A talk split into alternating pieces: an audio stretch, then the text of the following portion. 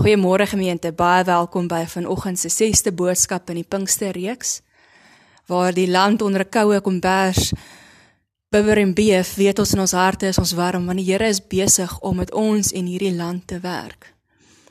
En ons het nodig dat hy vir ons die onderskeiding gee deur die Heilige Gees om te weet wat dit is wat ons gelowiges op hierdie stadium moet doen en besluit. Ons hoor baie moeilike boodskappe, harde vrae uit Openbaring uit. En dit is net God wat ons kan help om te onderskei wat om met hierdie vrae te maak wat in die gemeente gestel te gestel word. So kom ons raak stil en dan nader ons tot die Here ook vandag.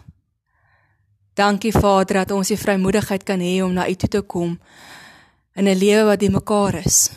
Ja, Heilige Gees het ons 'n paar moeilike vrae gevra tot dusver. Die gemeente in Openbaring daag ons uit.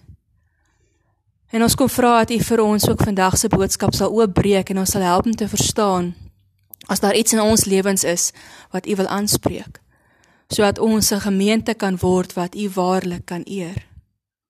En Here Jesus, ons sê vir dankie dat U ook reeds hierdie goed waarmee ons gekonfronteer word deur die laaste paar sessies en boodskappe ook reeds vir ons lewe oorwin het. En dit daarom vir ons moontlik maak om die oorwinnaars te wees wat in elke boodskap ook vir die gemeente sê hulle kan wees. Gaan ook met ons vandag dat ons sal hoor wat U wil sê en dat ons ook gehoorsaam sal wees om so 'n getroue getuies te wees. Die Here kom groet elkeen van julle vanmôre. Genade, barmhartigheid en vrede van God ons almagtige Vader, die een op die troon, en van Jesus Christus, die oorwinnaar, die leeu en die lam, en van die Heilige Gees wat in ons as gemeente en gelowiges harte werk om ons te omvorm en te verander na gemeentes en gelowiges wat waarlik tot God se eer kan leef. Amen. Ons lees vandag op Woensdag die gemeente van Thyatira se boodskap uit Openbaring 2 vanaf vers 18. Skrywe aan die leraar van die gemeente van Thyatira. So sê die seun van God, wie se oë soos vuur vlam en wie se voete soos geel koper is. Ek weet alles wat julle doen.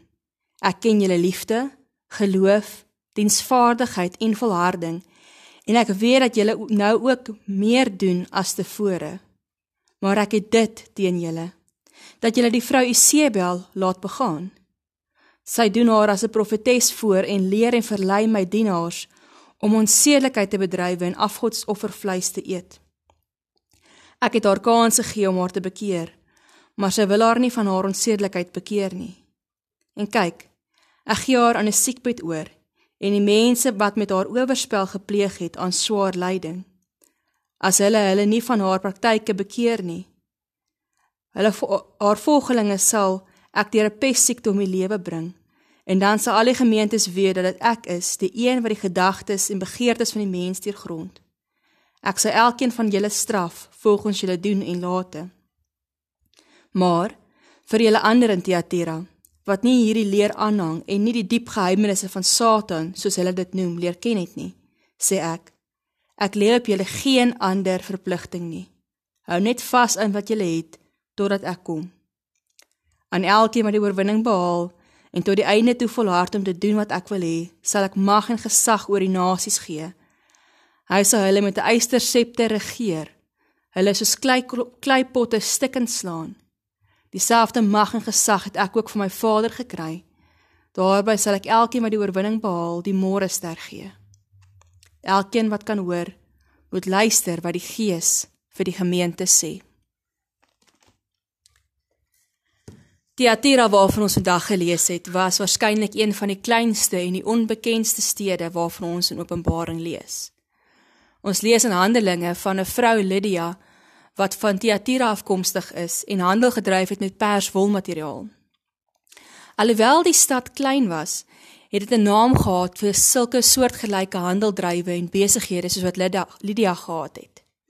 Ons weet daar was tekstielwerkers, skoenmakers, bronsmede, pottebakkers, slawehandelaars en nog klomp klein besighede wat 'n bestaan in die stad gemaak het. Die bedrywe het sterk geraak omdat daar handelsvakbonde was wat alles ondersteun het en wat gesorg het dat die dat die besighede finansiëel sterk raak. en hulle en hulle het die die besighede ook beskerm. Die vakbonde het so groot invloed gehad op die stad dat selfs die godsdienstige en politieke leiers nie eens dieselfde invloed gehad het soos hierdie vakbonde nie. Daarom is Thyatira se grootste probleem as ons hierdie brief lees dat hierdie stad en die lewe in die stad gedraai het rondom handeldryf en 'n soeke na meer geld en meer finansiële standvastigheid. Nou die gemeente van Thyatira weet ons nie veel van nie.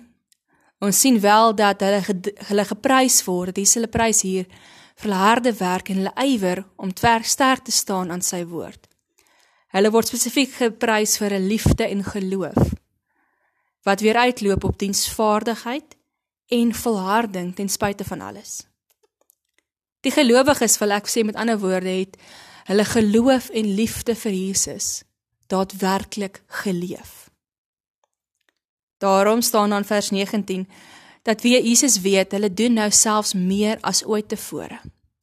Want dit mas nie maklik om te midde van hierdie vakbonde wat handel dryf vorentoe gestoot het en gemotiveer het, sterk te staan by wat God vra nie. Die gebruik was daar dat die vakbonde, dat jy slegs in een van hierdie vakbonde van die handelaars kon behoort, as jy ook deelgeneem het aan die Griekse gode se feeste.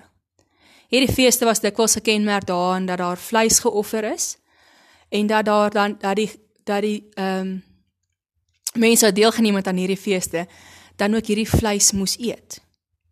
So mate het hulle dan deel geword van die fees en ook deel geword van die afgode. Hulle het ook in hierdie feeste baie keer onsedelikheid gehad. Promiskuïteit, ehm um, eenvoudig hulle het rondgeslaap omdat hulle fees gevier het. Nou, dit was die enigste manier hoe gelowiges sou kon voortgaan met besighede, finansiëel sterk kon word, ekonomies standvastig kon word deur om aan hierdie vakbonde te behoort en waarin 'n voorwaarde was om deel te neem aan hierdie onsedelikheid en aan die feeste wat daar ook is. Maar ten spyte daarvan, ten spyte van hierdie moeilike omstandighede, lees ons dat daar 'n groep gelowiges was wat aangehou het om getrou aan Jesus te wees. Daar was egter ook lees ons 'n groep wat die vrou Isebel laat begaan het in die woorde van Openbaring. Ons lees daar sy was 'n profetes geweest wat vir mense probeer oortuig het, net soos in die Jakolite waarvan ons vroeër gelees het en William se verhaal van gister, dat gelowiges ma maar mag meedoen aan die wêreldse praktyke, aan hierdie feeste om te kan handel dryf sonder dat hulle werklik raak. Sy het hulle aangemoedig juis eintlik om dit te doen sodat hulle ook finansiëel en materieel voorspoedig kan wees. Ons het reeds nie in gister in die gemeente van Pergamum gehoor dat so 'n redenasie nie vir gelowiges kan staan nie. Ons kan nie twee gode dien nie. Ons kan nie aan die een kant van ons lewe sê ons aanbid God en aan die ander kant vir Mammon, die geldgod aanbid nie. En dis presies wat die probleem hier ook is. Ons kan nie net sê ons glo in Christus nie, ons moet dit ook wys met ons lewe. Jy's wat hierdie gemeente ook geprys word hulle doen. Die probleem was Isebel se storie en profesie het 'n ander sterkie ook gehad. En dit het te doen gehad met hierdie diep geheimenisse van Satan waarvan ons lees. Hierdie diep geheimenisse was 'n filosofie wat in daardie in die Nuwe Testamentiese tyd voorgehou word was as 'n manier om 'n 'n beter en 'n sterker geloof te kry. Deel van hierdie filosofie was dat die liggaam nie veel waarde gehad het nie en dat slegs die gees en die hart saak maak. So daarom sou dan nie vir die gelowiges 'n probleem gewees het as hulle met hulle liggame deelgeneem het aan die feeste en die afgodsdiens, solank hulle hart en gees reg was nie.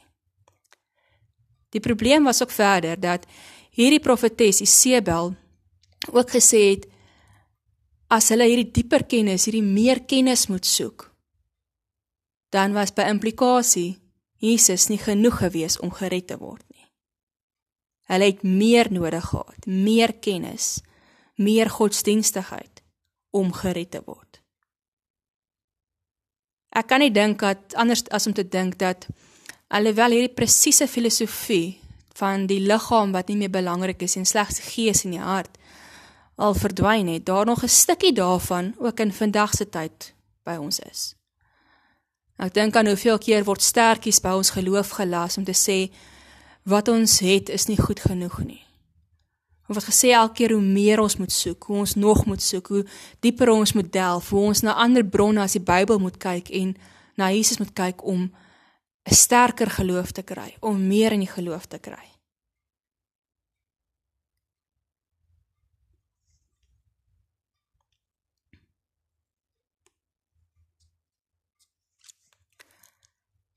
Dit is gevaarlik om hierdie sterkies by te las. Want dit gaan teen die kern van die evangelie wat Jesus sê, al hy is al wat ons nodig het om gered te word en 'n vol lewe saam met God te hê. Alles wat ons nodig het om te weet, het Jesus reeds vir ons geopenbaar, staan reeds in die woord.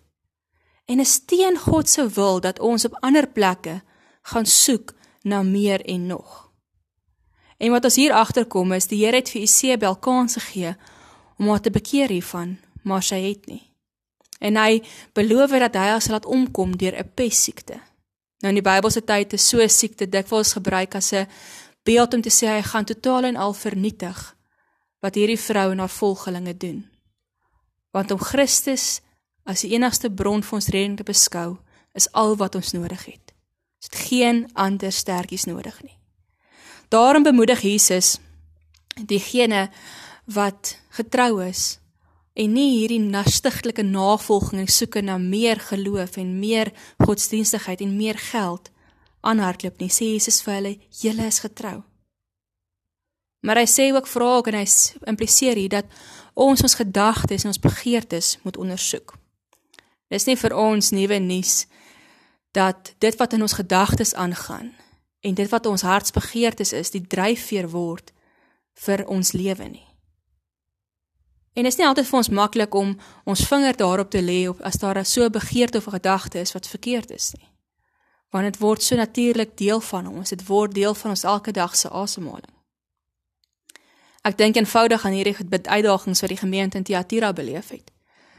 Dat hulle moes hulle begeerte was om finansiëel standvastig te word, om voorspo voorspoedig te wees, om ekonomies vooruit te gaan. En hierdie begeerte wat hulle gehad het, kon laat wegdwaal van wat God vir hulle gesê het. Ek wonder hoeveel van hierdie begeertes beleef ons hier vandag nog nie. Dat ons steeds meer en meer soek. Dat selfs 'n gelowige se lewens ons net nooit genoeg het nie. Nooit genoeg materiële besittings, nooit genoeg geld, nooit genoeg geluk nie. Dit is asof ons net nie tevrede kan wees met wat ons het nie. Augustinus het gesê dat ons begeertes ook bekeer moet word. En hy noem dit dat ons die liefdes van ons lewe moet herorganiseer. Want ons word dit wat ons liefhet. So hierdie gemeente en ons word uitgedaag om te ondersoek wat is die verkeerde goed wat ons liefhet en begeer, want dit maak dat ons lewens nie kan regloop nie. Maar gelukkig kom Jesus en ek kom spreek ons aan net so hierdie gemeente aangespreek het en hy gee vir ons die Heilige Gees om te onderskei wanneer ons liefdesprioriteite en ons begeertes nie in lyn is met wat God wil hê nie.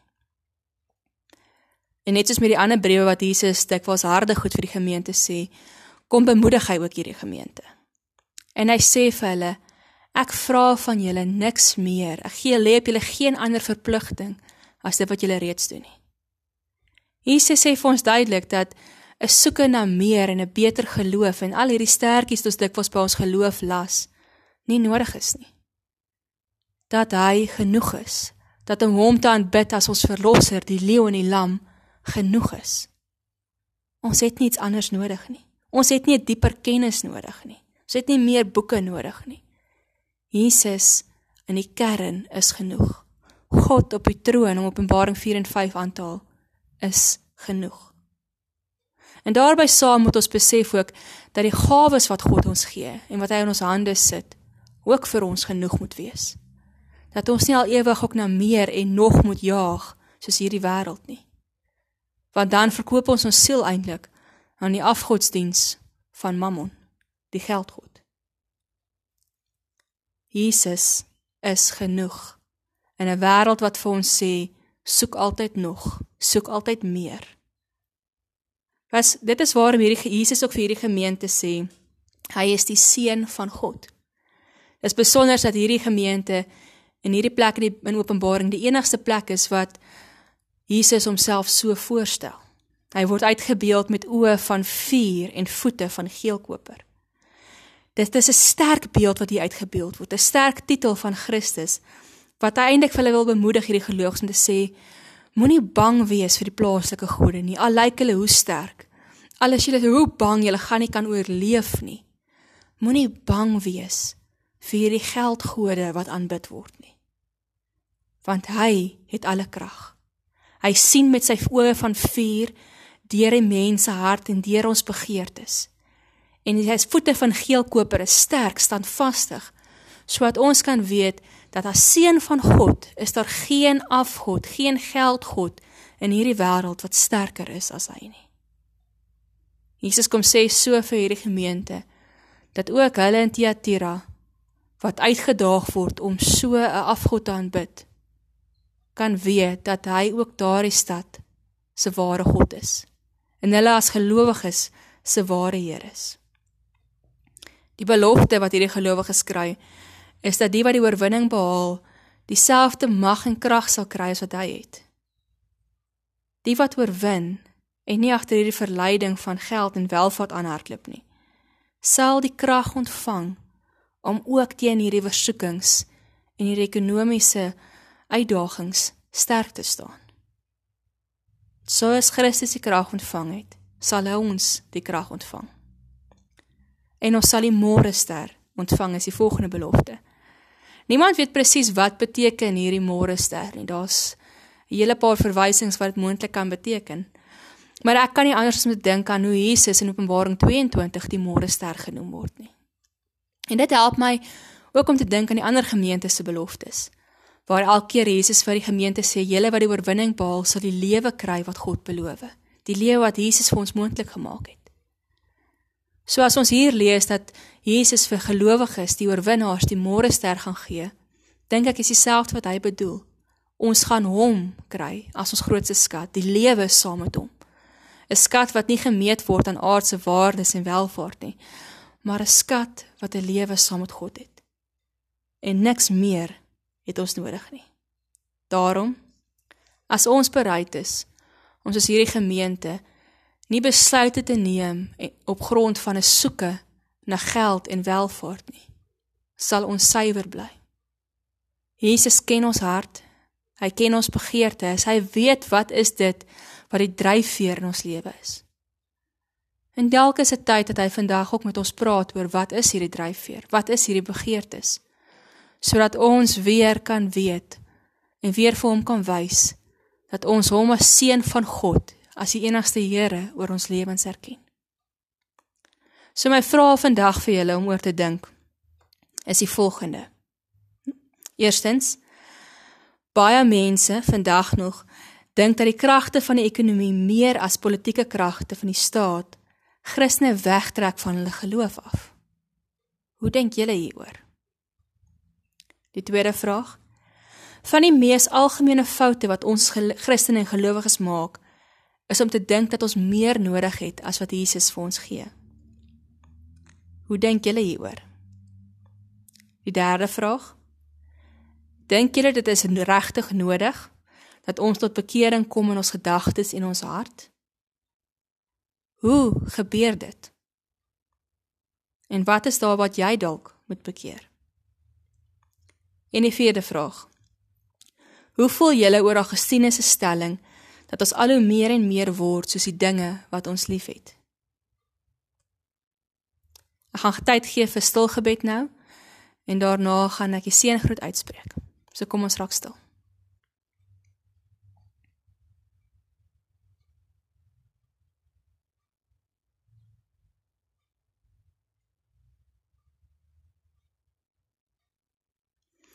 Here ons moet erken dat as ons vandag so die gemeente van Thyatira hoor, geld 'n groot afgod in ons lewe geword het. Dat 'n begeerte na finansiële welvaart en vooruitgang en voorspoed dikwels 'n dryfveer word wat ons uit u pad laat wegstap. Here, U ondersoek ons ingesteldheid. U ondersoek ons gemeente se gees en ons as kinders van U se gees ook in hierdie tyd. Ek dink waar die wêreld veral so spesifiek uitgedaag word met ekonomiese krisis heidaglik, Here. Besef ons ook hoe hoe vinnig dit verdwyn. Hoe vinnig die welvaart wat mense opmaak net in die niet verdwyn. Here, ons weet ons het dit nodig om te oorleef. Maar op soveel plekke beloof U ons in U woord dat U vir ons sal gee dit wat ons nodig het. Ons daaglikse brood. Soos U ook vir die lelies in die veld en die voëls in die lug sorg, lees in Matteus, so sorg U ook vir ons. Kom help ons Heilige Gees om te onderskei wat die liefdes in ons lewe is. En of geld en die soeke na ekonomiese welvaart dalk 'n plek ingeneem het wat dit nie moet nie. Kom help ons om U te vertrou, Here, dat U vir ons sal gee wat ons nodig het, ook in hierdie ongelooflike moeilike tyd.